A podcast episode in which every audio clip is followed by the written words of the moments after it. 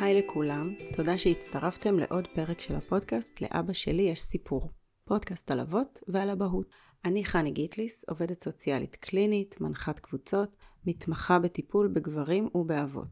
בכל פרק אעסוק כאן בנושאים שמעניינים אבות, ואארח אבא שיספר את הסיפור שלו בגוף ראשון, כשלאחר מכן, בפרק העוקב, אביא את נקודת המבט המקצועית שלי לסוגיה שבה עסקנו. בפרק הקודם אירחתי לשיחה אישית את אייל, גיי בזוגיות ארוכת שנים ואבא טרי לתינוק, בן שלושה חודשים בעת הקלטת הפרק, שסיפר על ההחלטה להפוך לאב ומה אפשר אותה בסופו של דבר, על תהליך הפונדקאות שהם עשו, הם היו מהראשונים בארץ, אחרי שנכנסה לתוקף החלטת בג"ץ לאפשר גם לגברים יחידים וזוגות חד-מיניים לבצע הליכי פונדקאות בישראל, ודיברנו גם על הלידה ועל חוויית האבהות הטריה. בפרק הזה נתמקד בתהליך הפונדקאות של זוגות חד-מיניים, שחשוב לחזור ולהדגיש שבעצם כל ההיתכנות של התהליך בישראל זה חדש, ואין עדיין ממש חומרים מקצועיים בנושא. בעצם התינוק הראשון שנולד לזוג גייז מפונדקאות כחול לבן, הוא נולד לפני תשעה חודשים בערך.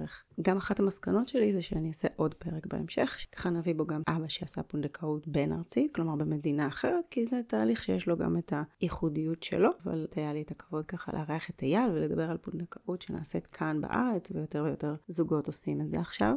אז בפרק הזה נתייחס ככה לכל הנושא של זוגות אה, חד-מיניים, נדבר על שלב ההחלטה, על הבחירה בהורות, על האופן שבו מת, מתבצע תהליך הפונדקאות, על האתגרים שיש בדרך, וגם על שלב הכניסה הראשונית להורות, בעצם אבא חדש נולד. לפני ההיריון מגיע שלב אה, קבלת ההחלטה. קודם כל באמת צריכה להיות איזושהי החלטה שרוצים להיות הורים. בעשורים האחרונים יש יותר ויותר אה, גברים הומואים ונשים לסביות, יוצאים מהארון בשלבים יותר מוקדמים של החיים שלהם, ומבחינתם חלק מהחיים, חלק ממסלול החיים זה הורות, ובעצם אלה מבנים שהתאפשרו גם בזכות אה, שינויים טכנולוגיים וטיפולי פוריות שיצרו כל מיני אפשרויות שונות להורות, והפכו את ההורות של גברים גייז לאפשרית. כמובן שחשוב לתת את הכבוד לכל המאבק של התנועה הלהט"בית, לשוויון זכויות ולקבלה, וזה בעצם מה שיצר את התנאים המקדימים ללגיטימציה של משפחות חד-מיניות. ספציפית לישראל, אז ישראל היא באמת מדינה שבה ערך המשפחה נתפס כגבוה יותר ממדינות אה, מזרח ומערב אירופה, שיעור ילודה גבוה יחסית, שיעור הגירושין הוא יותר נמוך, יש פחות לידות מחוץ לנישואים, תרבות בישראל עוד מעודדת הריונות. אמונות ומאוד מעודדת משפחות. ככה יש הרבה עמדות, אמונות ופרקטיקות שמעודדות ילודה, ששמות במרכז את התפקיד ההורי. אלה עמדות שמשפיעות גם על גברים הומואים, ואפילו אפשר להגיד שבמדינת ישראל, יותר מבמדינות מערביות אחרות, הנושא הזה של נישואים ומשפחה, יש בזה איזושהי דרך אה, ככה שגם יותר מתחברת למקום של אה, קבלה חברתית. מצד שני, מדינת ישראל עדיין אה, מציבה כל מיני מחסומים בפני זוגות גברים שרוצים להתחתן או להיות הורים. תיקון האחרון שנכנס לתוקף בתחילת שנת 2022 היה שזוגות חד מיניים יכולים לקיים הליך פונדקאות בישראל. זה נעשה בעצם בהחלטה של אה, בג"ץ ולא בחקיקה, אבל זוגות חד מיניים לא יכולים להתחתן בארץ. כן אפשר להכיר בנישואים שלהם אם מתחתנים בחו"ל, אבל אין להם את האפשרות החוקית להתחתן בישראל בנישואים אזרחיים. זאת אומרת, גם אם הם יעשו פה חתונה, זה לא נישואים שמוכרים בארץ. אבל בכל אופן, אחרי שבעצם אה, בחרו להביא ילדים, צריך לבחור בעצם באיזה מודל רוצים לעשות את זה. האפשרויות המרכזיות זה בעצם או הורות משותפת עם אישה, או אימוץ, או פונדקאות. גם לעניין האימוץ יש ככה את המאפיינים ואת הקשיים שלו. בדיוק השבוע היה ככה תיקון בנושא הזה של האימוץ, שהוא גם בעצם נועד ככה לתקן אפליה שיש כלפי אה, זוגות של גברים, אבל לא נעסוק בזה הפעם. גברים הומואים לוקחים בחשבון את היתרונות ואת החסרונות של כל מודל. מודל, ובדרך כלל מי שיותר חשוב לו העניין של הורות ביולוגית, אז הוא יעדיף את המודל של הורות משותפת או של פונדקאות.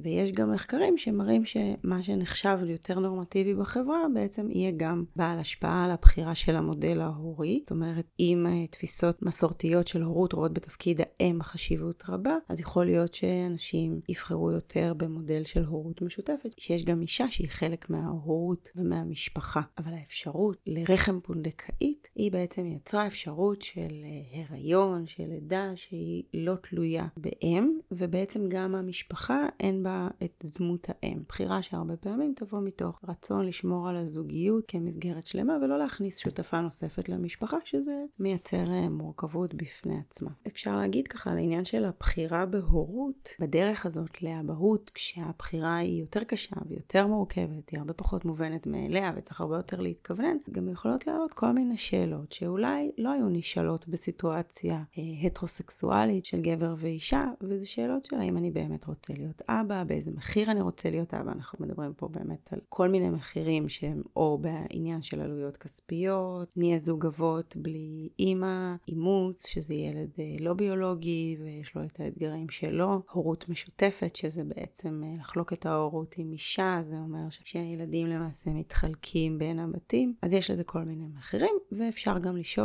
אם אבהות היא דחף טבעי או אם היא ציפייה חברתית, אז זה כן משהו שחשוב להדגיש שיש הרבה מאוד מחשבה על הנושא הזה של ההורות, ובעת זה כן אומר שהם מגיעים להורות הרבה מתוך מקום שיש בו בחירה והתכווננות והרבה מאוד מחשבה והרבה מאוד היערכות והרבה מאוד השקעה. אלה אתגרים שבדרך, אבל אלה גם דברים שבאמת אה, מחדדים עבור מי שבוחר בהורות את המקום של המשפחה ושל הילדים ושל האבהות בסולם הערכים האישי שלו. העניין של פונדקאות בישראל, יש שם כמה כיוונים שהם סותרים. בעצם מצד אחד החברה בישראל היא חברה משפחתית, כמו שאמרנו, היא מקדמת, מעריכה את הילודה מאוד, ואפילו מקדשת את ההורות כבעצם הדרך הנורמטיבית בחברה, אבל מהצד השני, בעצם מבחינה משפטית, מבחינה חוקתית, יש הרבה מאוד קשיים על גברים הומוסקסואלים שרוצים להפוך להורים. כל נושא הפונדקאות שעד לפני שנתיים אה, לא היה חוקי לזוגות אה, חד-מיניים בישראל, אבל כן היה חוקי לזוגות הטרוסקסואלים, ואז גברים ההומוסקסואלים באמת היו צריכים לעשות אה, שירותי פונדקאות בחו"ל, שזה שירותי פונדקאות יקרים באופן משמעותי. ההזדמנות באמת לאימוץ בארץ היא מוגבלת יותר, והרבה בגלל הקשיים באימוץ, בעצם הדרך של הפונדקאות, אפילו שהיא מאוד מורכבת ולא פשוטה, היא בעצם איזושהי דרך שנחשבת יותר מועדפת לאבות הומואים בישראל. ובאמת אחרי מאבק של עשור, אה, בית המשפט העליון, בג"ץ, פסק שהפונדקאות הותר גם לגברים. בעצם זה ביטא את העמדה של בית המשפט, שגם להומואים יש את הזכות להקים משפחה באמצעות פונדקאות. זה המהלך שלווה בהרבה מאוד התרגשות ושמחה בקהילה, אחרי שיותר מ-25 שנה מאז שחוקק חוק הפונדקאות בישראל, הייתה אפליה של גברים יחידים וזוגות גברים שלא יכלו לעבור את ההליך בארץ. אז נגיד קצת על איך בכלל עובד תהליך הפונדקאות. בתהליך הזה מעורבים האבא, או שני אבות, תורם את הביצית, ופונדקאית. זאת אומרת, יש מספר גורמים שחייבים להיות חלק מהתהליך הזה. פונדקאית למעשה עוברת טיפול פוריות שבה מפקידים, זה נקרא הפקדה, מפקידים אצלה את ה... עובר שנוצר במעבדה מזרע וביצית של תורמת. זאת אומרת שאם מדובר בזוג הורים, אחד מהם הוא בעצם האבא הביולוגי, והשני גם יוכר כאב אחרי הלידה. עכשיו העניין הזה שיש אבא אחד שהוא ביולוגי ואבא אחד שהוא לא, זה סוגיה בפני עצמה. זו סוגיה שגם יש לה פוטנציאל ליצור מתח, צריכים לקבל החלטה, ובעצם אה, לפעמים זוגות יחליטו להביא יותר מילד אחד, חלק יהיו ביולוגים של הורה אחד וחלק יהיו הביולוגים של הורה השני. אם התורמת תורמת היא משותפת, אז למעשה הילדים הם אחים למחצה באופן ביולוגי. דווקא מחקרים הראו שהזהות של האבא היא נתפסת אה, משנית הרבה פעמים אצל זוגות. עצם האפשרות להפוך להורים, יש לה מקום הרבה יותר מרכזי בהחלטה הזאת. גם העניין של האם לחשוף את הזהות של האבא הביולוגי, אז יש זוגות שבהם זה מדובר וזה פתוח, ויש זוגות שמעדיפים שלא לדבר על זה, ואפילו לפעמים לא לספר את זה לאף אחד. אז באמת יש פה כמובן איזשהו תהליך מאוד אישי של איך מתנהלים עם זה. ויש את העניין של בחירת התורמת, תורמת הביצית, בחלק מהמקרים זה יכול להיות בישראל, אבל כל נושא של אה, תרומת הביצית זה איזושהי תרומה שהיא נעשית באופן אלטרואיסטי, זאת אומרת שהתשלום שמקבלת התורמת הוא תשלום קטן שנועד רק אה, לפצות על, אה, על התהליך, זה לא קנייה של ביציות. אכן המלאי של ביציות הוא מוגבל והרבה פעמים התורמת למעשה תגיע מאיזשהו מאגר ממדינה אחרת, יבחרו אותה דרך פרופיל של תורמות פוטנציאליות עם תמונות ופרטים. מתלבטים לגביהם, ובאמת יש איזשהו תהליך של בחירה. אמרנו שפונדקאות זה תהליך אה, יקר, גם כשהוא נעשה בארץ זה תהליך יקר, בטח כשהוא נעשה בחו"ל, ואז גם יש הרבה יותר פרמטרים שצריך לקחת בחשבון, ולפעמים זה דרך סוכנות, אז יש גם את התשלום לסוכנות שמארגן, עושה את כל התאומים, שזה סובב עולם יכול להיות התהליך הזה, אז הוא גם מאוד מאוד יקר בהתאם. נדבר על איך הוא מתחיל להתמקד באמת במה שקורה כאן בישראל עכשיו. זה קודם כל מתחיל באיזושהי שיחת היכרות. אם הזוג פונה לסוכנות פונדקאות, אז יש קודם כל שיחה בין ההורים לסוכנות, יש היכרות, מדברים על הרצונות, על החששות, על הציפיות. מתחילים לתכנן את תהליך הפונדקאות, לדבר גם על ההיבטים המשפטיים, ההיבטים האתיים של פונדקאות, להבהיר את כל הדברים. אם לא נעזרים בסוכנות, אז יש איזושהי אפשרויות, כמו שגם אייל ככה מתאר, שהם פשוט הכירו דרך איזושהי קבוצה בפייסבוק ונפגשו באופן עצמאי ועשו סוג של דייט אה, כזה. לפעמים זה באמת אימא פונדקאית, זה יכול להיות אימא פונדקאית ובן הזוג שלה. אחר כך יש שלב של אה, בדיקות רפואיות להורים, להעריך את הבריאות הכללית שלהם, להבין אם יש איזה שהם בעיות פוריות, או כל מיני נטיות גנטיות שיכולות להשפיע על התהליך. אז יש הערכות מקצועיות. אחר כך צריך לחתום על חוזה. אה, בעצם זה יכול להיות חוזה עם הסוכנות, או יכול להיות חוזה בין ההורים לפונדקאית. בעצם יש הסכם משפטי מאוד מפורט, שיש בו את כל התנאים וההגבלות על ההסדר של הפונדקאות, מה ההתחייבויות הכספיות, מה התפקיד של כל צד, ממש מכינים תוכנית מגירה לכל תרחיש שעלול לקרות בהיריון. מה עושים בו? בעצם מתקבלות החלטות שהן מוסכמות מראש. כמובן צריכה להיות מומחיות משפטית לתחום הזה,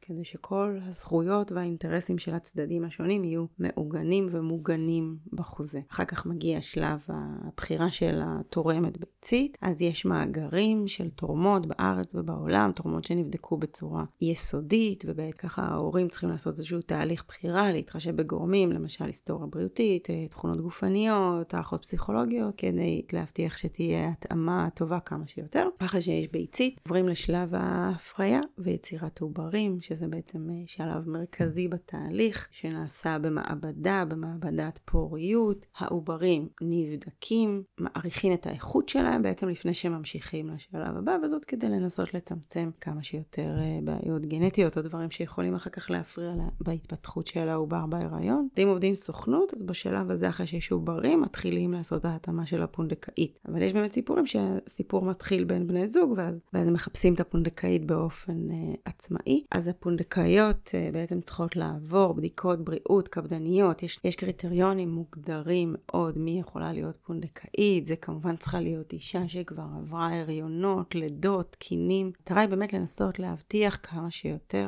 מהלך תקין של הריון, שיאפשר להריון להתפתח כמו שצריך, וכמובן גם שהפונדקאית תסיים את התהליך הזה בבריאות ובשלום. חשוב מאוד סביב תהליך הפונדקאות וכל הדרך המשותפת שהולכת להיות להם, שאורח החיים והאישיות וההשקפות של הפונדקאית יהיו תואמות לאלה של ההורים המיועדים. אז אחרי שיש פונדקאית, והיא נכנסת להיריון, מתחיל שלב מעקב ההיריון, קו על הבריאות של הפונדקאית ועל ההתפתחות של העובר, פגישות מעקב, סריקות אולטרסאונד, זה הולך לפי המדינה שההיריון אה, מתנהל בה, אבל אפשר בתשלום נוסף להוסיף עוד בדיקות. אה, באמת השלב הזה, כל מה שקשור לתקשורת בין ההורים המיועדים לפונדקאית, זה מאוד מאוד תלוי בקשר שנוצר, ברמת הקרבה שמתאימה לשני הצדדים, יש כאלה שבקשר יותר קרוב והדוק, ויש כאלה שזה יותר מרוחק, ואין ספק שכשהפונדקאות נעשית כאן בארץ, יש את האפשרות אה, לקיים קשר יותר קרוב, כי כשעושים פונדקאות בחו"ל זה הרבה יותר מורכב, הכל נעשה ככה בשלט רחוק, ותהליך הפונדקאות בישראל מאפשר להורים להיות הרבה יותר מעורבים כל מסע ההיריון. כשבמקביל להליך הרפואי, אז יש כל מיני הליכים משפטיים, כי אחר כך, אה, באמת אחרי הלידה, צריך לבסס את ההורות של ההורים המיועדים מבחינה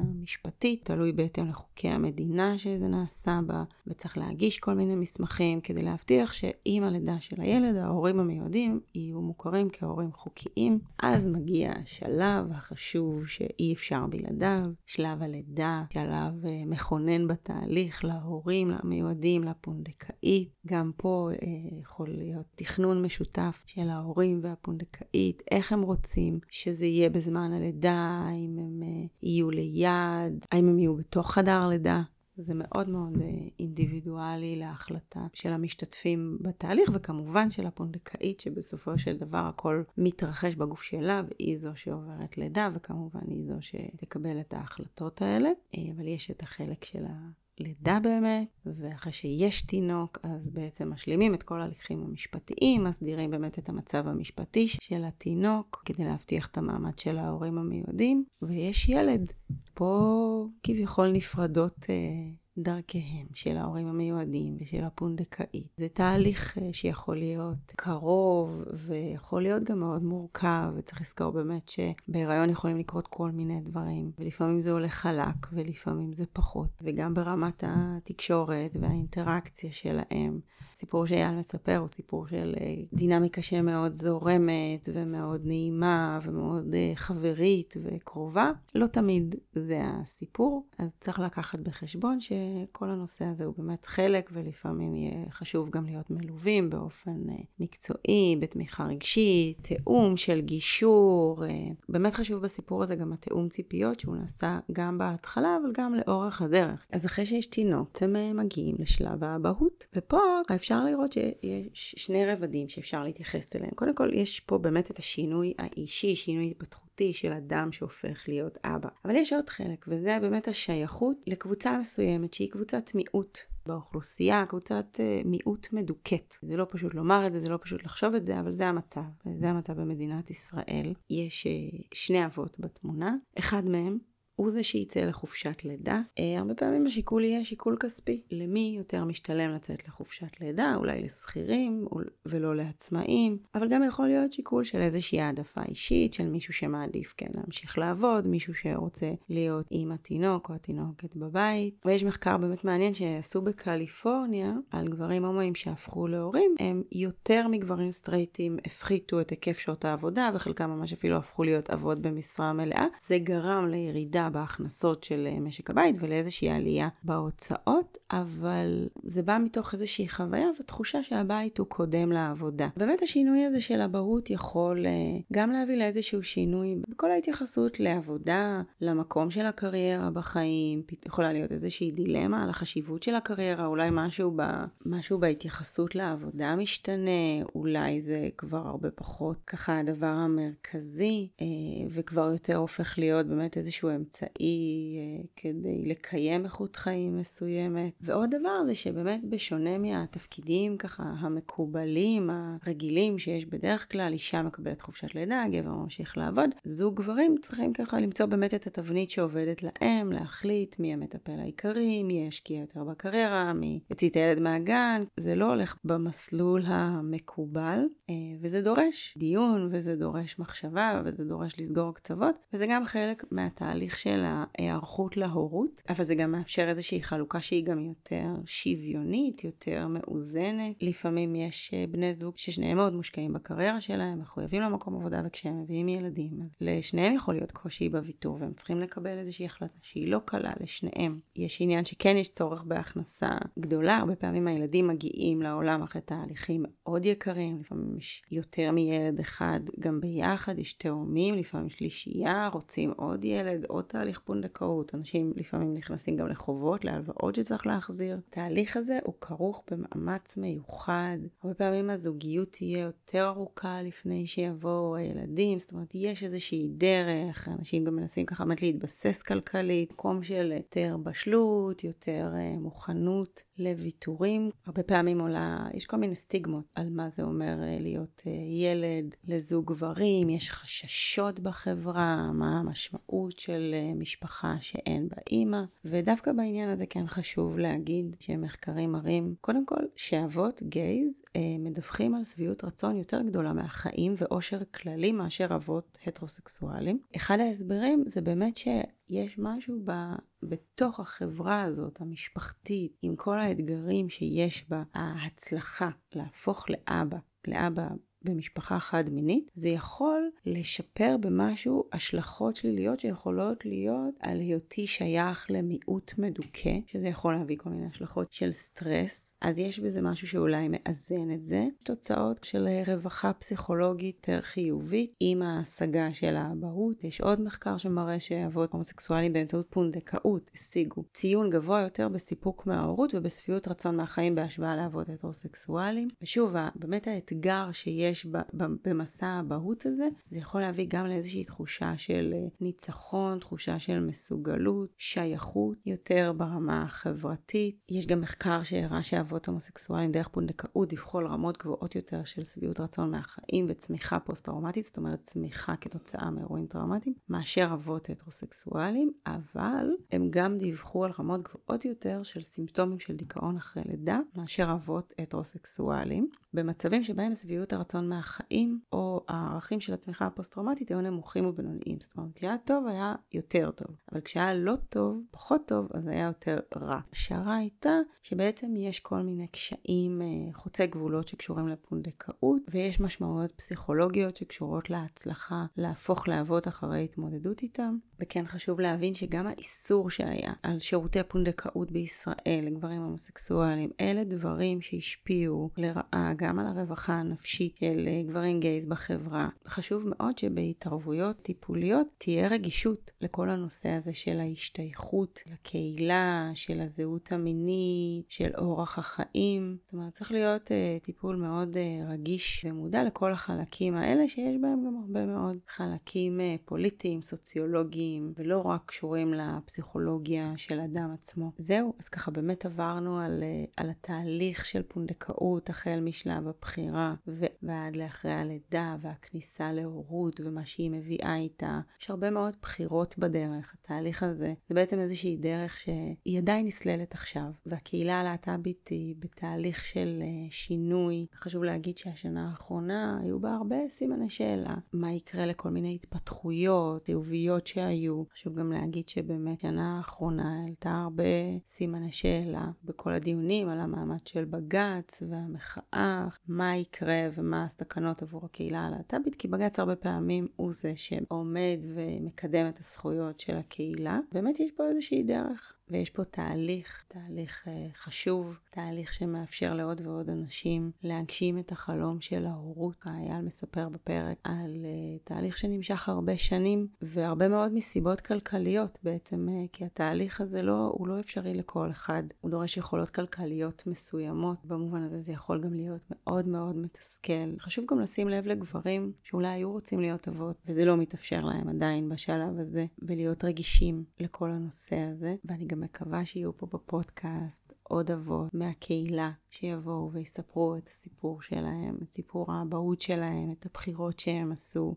את ההתמודדויות שהם מתמודדים איתם. זה משהו שבאופן אישי מאוד חשוב לי. חשוב לי שהנוכחות של אבות בפודקאסט תהיה מגוונת. אז אם אתם מאזינים לפודקאסט ויש לכם סיפור מעניין שהייתם רוצים לספר כאן על הבאות שלכם, אז אתם בהחלט מוזמנים ליצור איתי קשר. תודה רבה שהאזנתם, וניפגש בפרק הבא.